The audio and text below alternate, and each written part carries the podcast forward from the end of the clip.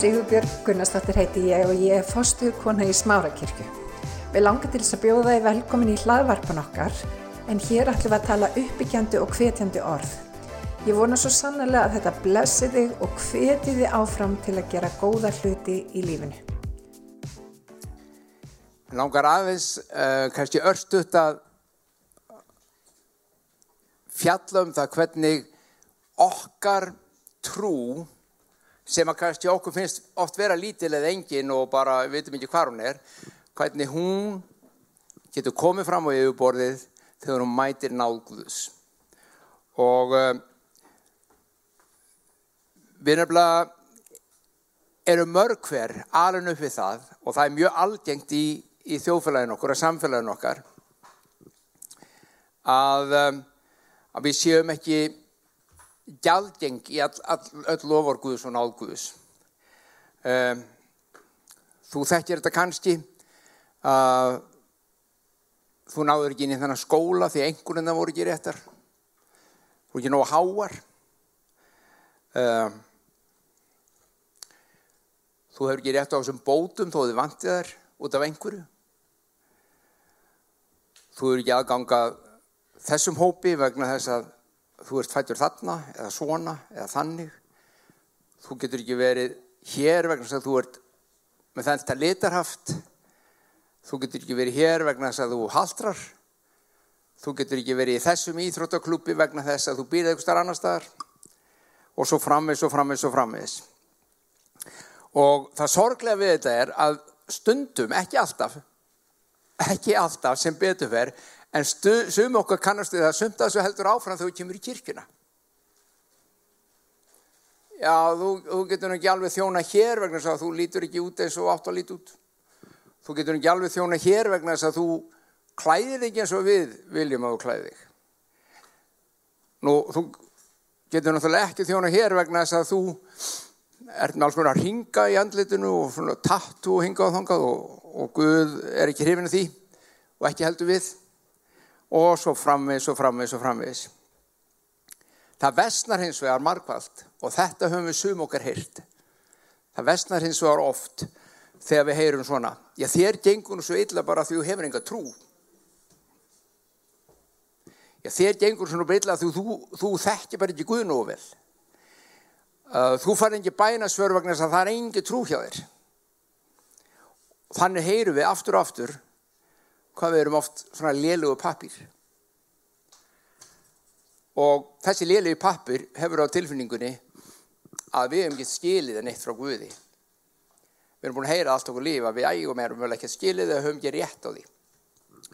Og þarna föllum við í grifju, uh, grifju þess að halda að Guð vinni og starfi og hugsi og tali á sama hátt eins og við erum búin að alast upp við í mannlegu samfélagi en það er svo langt ifrá.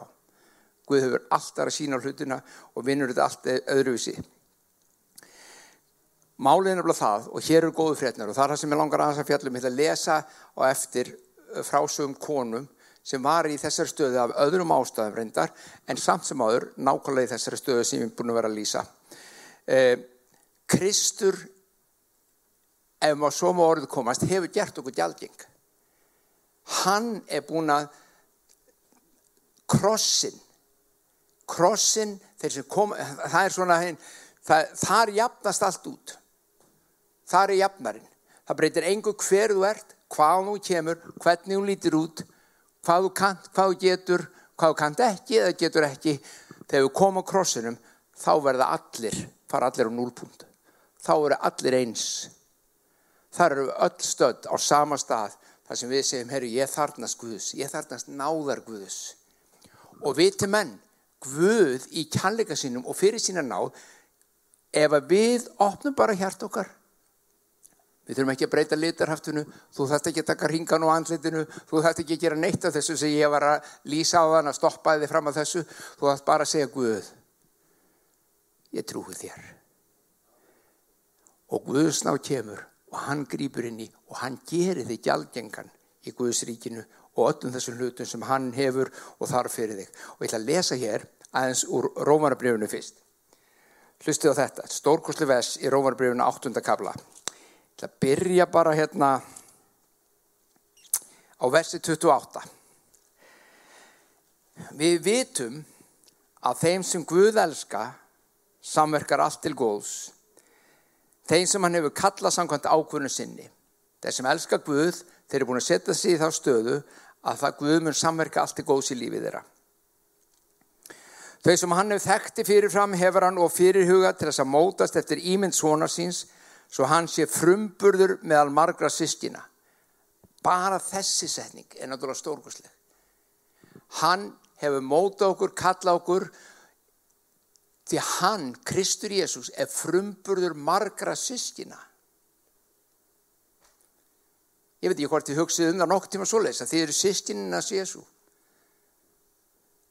Flestir hugsa, ég, ég er þjónninas eða ég á ekki skilið frá henni, það er gott að hafa hugafar þjónsins, en það virkar ekki í Kristi Jésu þegar hann breytir þeir og segir, nei þú ert vinu minn, þú ert bróði minn, þú ert sýsti mín. Segja, hann gerir ekki aldgengan inn í fjölskyldu Guðs Þú þart ekki að vera í fjarlag frá Guði. Þú þart ekki að hugsa, ó ég, ég elska Guð og ég vil þjónunum og ég vil gera allt en hann er svo fjarlagur og, og hann, hann er bara hann einhverstað að fylgjast með mér og ég, ég gera mitt besta haldur. Munið eftir læginuna Diane Warwick hérna, heitinar sem að, er hún ekki dáinar sem ég held að jú, um, hún söng God is watching us from a distance. Kjöfum alltaf í hugminn þetta lag. Guð er að horfa okkur úr fjarlægð. Flestir eða við skulum segja margir hafa ákvarðað þessa mynd. Guði fjarlagur, hann er langt í burtu en hann fylgis með mér. Og ég þarf að passa mig að standa með honum gera það sem er rétt og einhvern veginn komast í náðina hjá honum. Nei Þetta er allavega ekki Guð Nýja testamentisins Þetta er miskýlingur Guð Nýja testamentisins segir ég er búin að gera þetta allt fyrir þið kontu, ég skal gera þetta aldjengan, þú ert vinu minn. Ég er nálagur þér. Ég er nálagur þér. Ég er alveg hjá þér, alveg með þér. Þú þarf bara að snerta, þú þarf bara að tegja út og segja, ég er meðtök. Lesum aðeins áfram, lesum aðeins áfram. Hvað eigum við þá að segja við þessu, vers 31? Ef Guð er með okkur, hver er þá á mót okkur. Hann sem þyrmdi ekki sínum eigin síni heldur framseheldi hann fyrir okkur öll. Hvort myndi hann ekki líka gefa okkur allt með honum? Þetta er stórkosleg setning, þetta er stórkosleg vers. Guð gaf svonsinn, Jésu Krist, í dauðan. Það er ekki mörg okkar sem myndi gefa svon okkar eða dóttur í dauðan. Hann gaf svonsinn í dauðan fyrir okkur. Og svo segir Páll hér í Rómanabrinu og fyrst hann gerði það, fyrst hann var tilbúin að láta svonsinn degja fyrir því, hversun í ósköpunum ætti hann þá ekki að gefa allt með honum. Allt hitt er bara pínu lítið með það að gefa svonsinn. Þegar svonurinn degir og er fórnað, Hvað, ákveður í óskopunum ættir að haldastu góðun hlutum fyrir þig? Ákveður í óskopunum ættir hann ekki vilja lækna þig? Ákveður í óskopunum ættir hann ekki vilja blessa þig? Ég byrði hann er búin að gefa svon sem fyrir þig. Það er það sem Páll er að benda á. Og ef við sjáum þessa undursamlugu náð Guðs að hann var tilbúin að láta svon sinn degja fyrir okkur.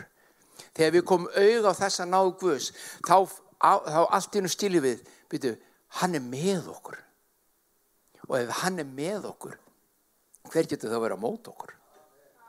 Það er ekkert sem fær staðist hann. Er einhver til meira, er einhver til starri?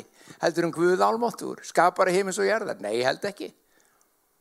Og hann er með mér og hann er með þér. Þar að leiðandi er ekkert sem þú þarfst óttast. Og þá hugsar þú kannski, og ég verður það líka og við erum mörglar. Já, en þetta er allt rosalega fallegt. Ég bara er ekkert á þessum stað. Ég bara mín trú er bara svo lítil og, og, og ég hérna mér finnst ég bara ekki eigið þetta skilið. Ég er ennsvöldið þessu sko að vera ekki gjaldingur sjáðu.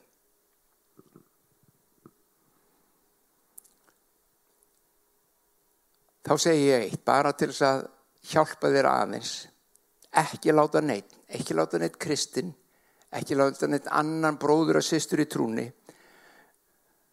segja þér að þetta sé þér að kenna og þú sért ómulugur. Klassisk setning.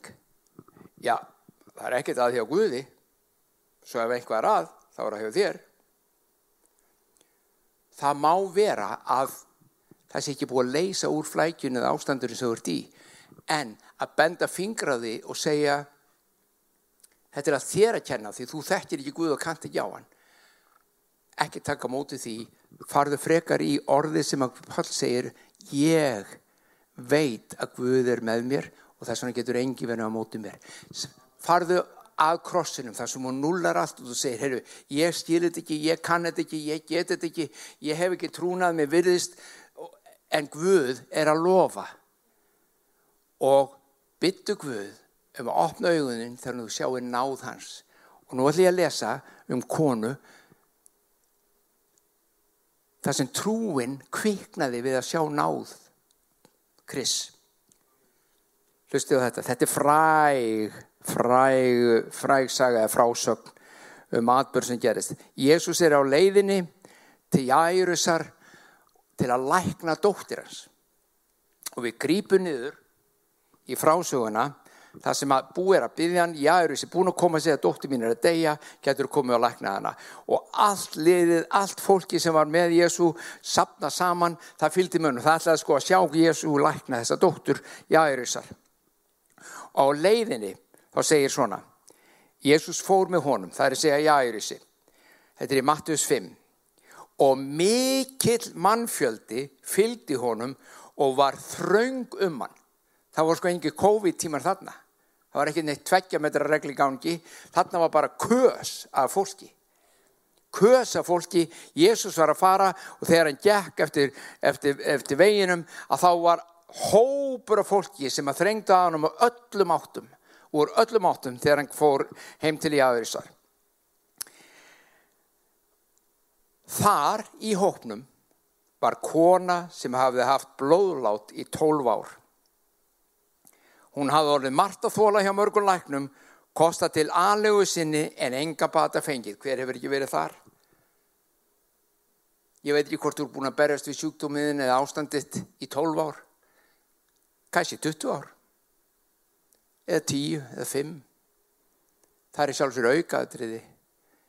En þessi kona var búin að berjast við þennan sjúkdóm, hugsiðu, blóðlát í tólf ár.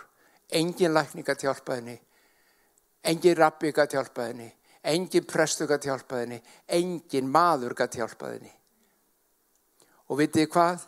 Þessi kona, vegna sem hún var með blóðlát, þá var hún óhrein í þessu samfélagi sem þarna var.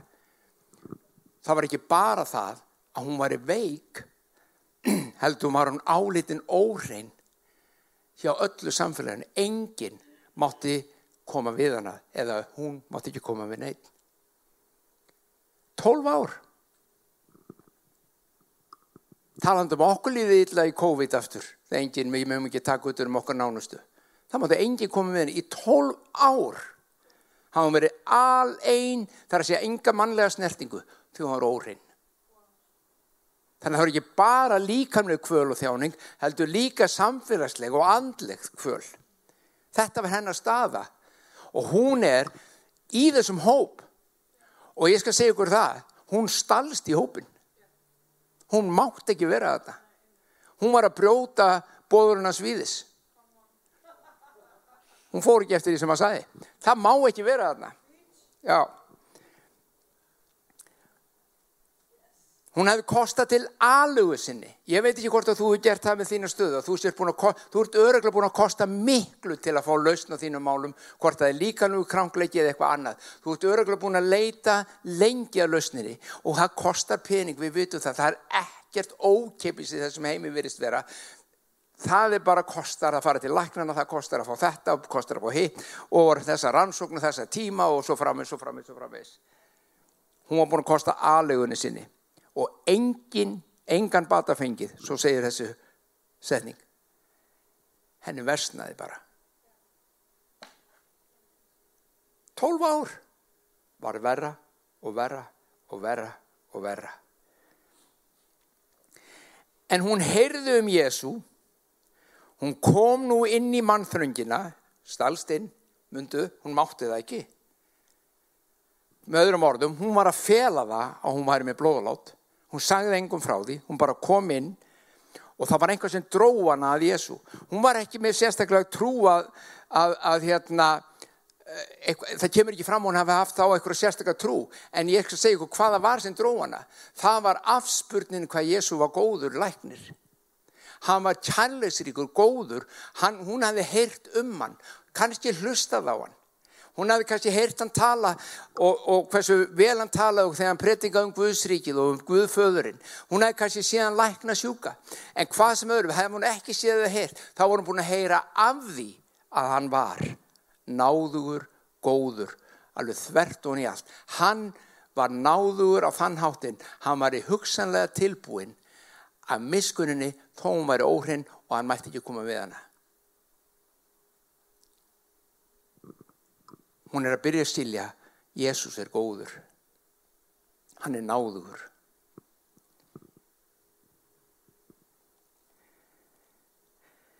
og hún hugsa með sér í ljósi þessa ef ég fæ bara snert klæði hans þá mun ég verða heil. Hún var ekki að hugsa ég bara þarf að byrja allum að fara frá Jésús þarf að leggja um hendur og, og þá læknast ég.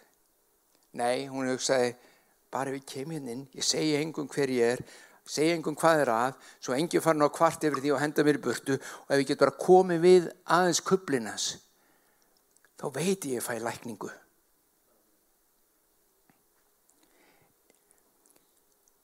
Hún gerði það og það segir í 2009. versi, í jafnskjótt, um leiðum snertar, þá þvar blóðlátt hennar, það stöðvaðis blæðingin lækningi komin í, hugsaði bara svona, á sekundubróti kom lækningin inn í líkamennar og hún fann það á sér að hún var heil.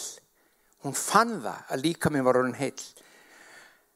Merkilega við þetta er að Jésús fann eitthvað líka. Takt eftir, hann er að gangi. Hún kemur aftan á hann og segir biblíðan hún snertir hann aftan frá. En Jésús fann og það segir fann þegar, hann fann þegar á sjálfum sér að kraftur hafi farið út frá honum og hann snýri sig við í mannþringinu og sagði hver snar klæði þín? Hann er bara að ganga. Einhver kemur við hann. Býtur um einhver, þá voru margir allir að koma við hann, en það sögðu lærisvöndinu það. Þegar, þegar hann snýri sig við og segi hver kom við mig, hver snart mig?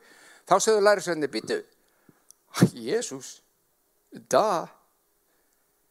Allir Þetta er bara hópur af fólki, eru allir að koma við þig. Nei, nei, nei, nei, nei, það var ekki svoleið snerting.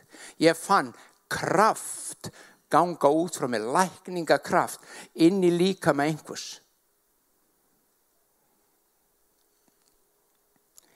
Jésús litaðist um, þetta er merkilega, það er svo gaman hvernig Markus segir frá þessu. Hann stoppaði læra sundar en segja, það er ekki þetta marka þetta, það er allir að snertið. Nei, nei, og hann litaðist um, hann leiti yfir hópin til að sjá hver hafi gert þetta? Hver hafi náði lækningu til hans? Konan sem vissi hvað framvið sig hafi farið kom hrætt og skjálfandi og fjell til fótónu og sagði um allan sannleikan ó, þetta er svo dásalegt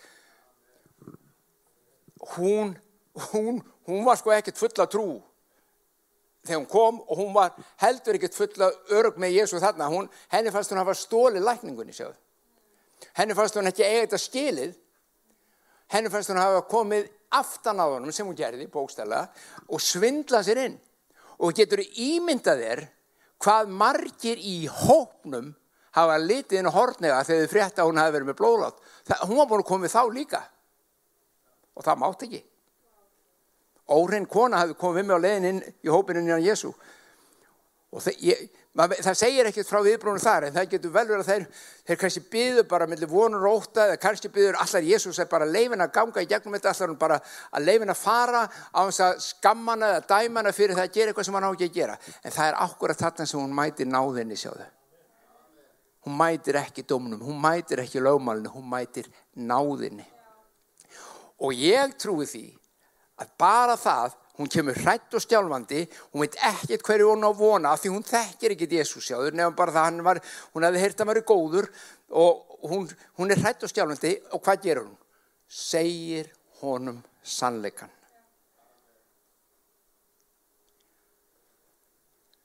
Og það er það sem þú og ég þurfum að gera þegar við komum.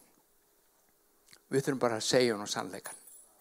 Með öðrum orðum, við þurfum að opna hjart okkar algjörlega fyrir honum. Við erum alltaf að reyna að vera töff.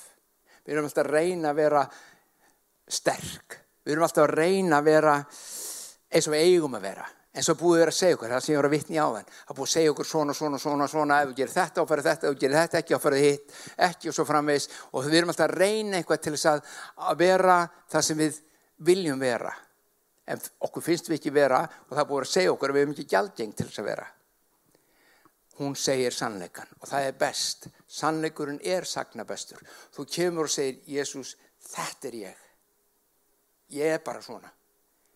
Ég er að horfast í augu við vandamál mín ég er að horfast í augu við erfileikana ég er að, ég er að horfast í augu við krankleika minn. Ég ætla ekki að fela neitt fyrir þér enda þýðir það ekkert en ég þarf að játa fyrir sjálfuð mér. Og þá segir Jésús trúðín hefur gjört þið heila. Þegar hún kemur að náð Guðs með sannleikan í lífi sínu þá kemur Guð og hú, kveikir trúna í hjörtum hennar. Og þér finnst þú kannski verið með litla trú þér finnst trúðið mér að sofandi kannski eftir að velta verið hvort það hefur nokkru trú. Og segjar þú, það hefur enga trú. Það sé ástæðan fyrir allt ég að ganga aftur fótum og þú hefur enga trú á Guði.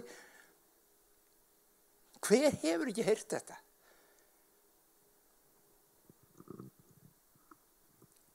Komdu að krossinum komdu eins og þessi kona. Tói sér þrætt og stjálfandi og segðu sannleikan svona er ég. Þetta er það sem ég er búin að vera að díla við. Og svona líður mér. Lækningin er þín. Lausnin er þín vegna náður hans. En það sem að þú mætir náðgvus það lifnar trúin innan með þér. Þegar þú horfir á dóminn þegar þú horfir á útskúfunna, þegar þú horfir á það neikvæða, allt í kringum þið sem þú heyrir og sér, þá áttu erfitt með að koma inn í lækningu eða lausni í lífiðinu. Þú verður að sjá náð Guðs. Guð er óendanlega góður. Hann er bara góður. Hann mun aldrei dæma þig. Hann mun aldrei ásaka þig. Hann mun alltaf reysa þig upp til lífs.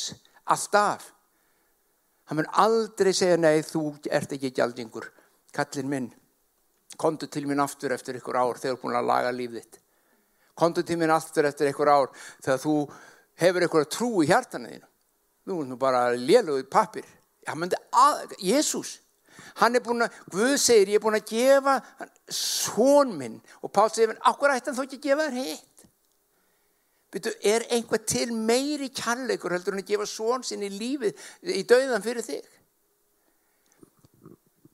Vegna þess að svo var gert, þá getur þú komið og sagt Guð, fyrir náð þína kem ég nú og ég legg sjálfa mig eins og ég er og svona er ég Guð fram fyrir þig og byrð þig og treysti því að fyrir náð þína og kærleika að þá breytir þú lífið mínu, þú losið mér úr ánöðinni, þú lækni líka með minn, læknaðu fólkið mitt, reistu mig við, hjálpaðu mér í kringustafum mínum. Ég get þetta ekki sjálfur. Ég get þetta ekki, en fyrir náð þína og þegar þú sér náðans og kærleik og gæsku, þá lifna trúin við innar með þér. Ytri kringustafur, dómur, og yfirlýsingar um að þú eigir ekki hitt og þetta skilir, það stýgur á trúðina og heldur henni niðri. Kærleiku Guðs, alveg svo hefða þessari konu sem er blóðlátt í 12 ár, hún kemur og snertir hann og Guð meðtökur það, læknar hana fyrir Jésu Krist.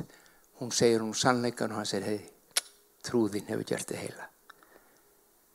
Trú og náð mætast og það er miklu meiri í þessu heldur en þetta sem ég ætla ekki að fara í núna en í þessi frásögu núna fyrir þig og mig höfum þetta í huga þegar náðin mætir okkur, þá lifnar okkar trú innan með þér. Skulum byggja, faði minn við þökkum fyrir það að við megum eigða þessum tíma í lofgjörð, nota tíman til þess að blessa þau uppefið og mikla þig. Og þennan tíma í orðinu drótti minn og ég bygg fyrir náð þín og miskun, fyrir ofinbörun andað þíns, að þú verkir orðið og sannleikan í orðið þínu, það líf sem er í orðið þínu inn í hjarta hvers og einn sem hefur, hefur hlustað og heyrir drótti minn. Og ég byrð inn í kringustæði þeirra drottin, ég byrð um blessun, byrð um lækningu, byrð um löst, byrð um sigur. Og drottin að þau mögðu sjá að þú ert með þeim og þá getur enginn verið á mótið þeim. Enginn. Og þeir elsku vinur sem að kannski ert að hlusta en hefur ekki verið í kirkju eða þeir finnst þetta bara aðdeglusverð og það er kannski einhver andlið þrá innra með þeir löngun en þú þekkir ekki kannski þennan Jésús sem við erum að tala um. Mér langar að byggja um að byggja bara þess að stuttabæðin þú vilt, þú vilt á eftir mér.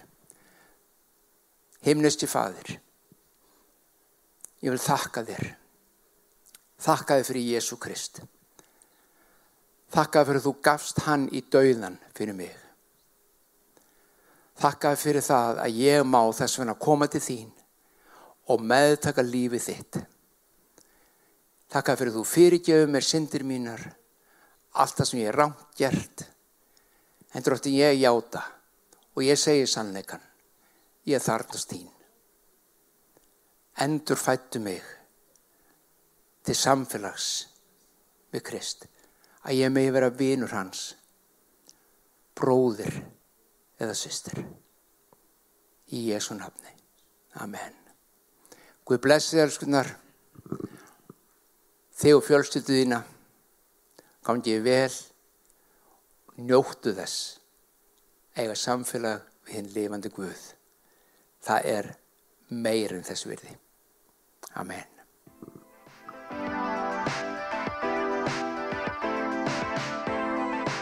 Ég hveti til þess að stilla inn á okkur með reglum hætti því að hér verður alltaf eitthvað nýtt á nálinni. Takk fyrir að hlusta.